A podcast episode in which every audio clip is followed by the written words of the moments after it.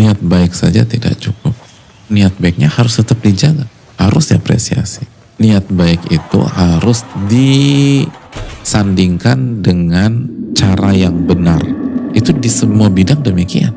Coba tanya ibu-ibu, bisa nggak buat sayur asam hanya modal niat baik?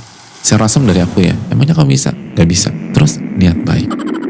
Terima kasih banget niatnya, tapi butuh resep yang benar. Mobil kamu kenapa? Ya ini harus turun mesin. Oh, udah aku aja. Emang bisa? Gak bisa. Terus niat baik. Kira-kira kita kasih mobil kita ke dia nggak? Enggak. Niat baik saja nggak cukup. Pak, bapak kok kayaknya mingkem aja dari tadi. Saya lagi sakit gigi Ustadz. Oh, kenapa gigi saya bolong? Gimana kalau saya cabut? Emangnya Ustadz bisa?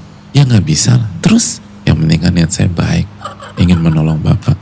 Kira-kira kita mau mangap depan Ustadz kita nggak? Nggak mau. Niat baik aja nggak cukup Ini nih konsep di semua bidang. Niat baik aja nggak cukup. Niat baik harus dipadukan dengan cara yang benar. Bahkan banyak maksiat itu kalau ditanya motifnya niatnya baik loh. Pak kenapa Bapak korupsi?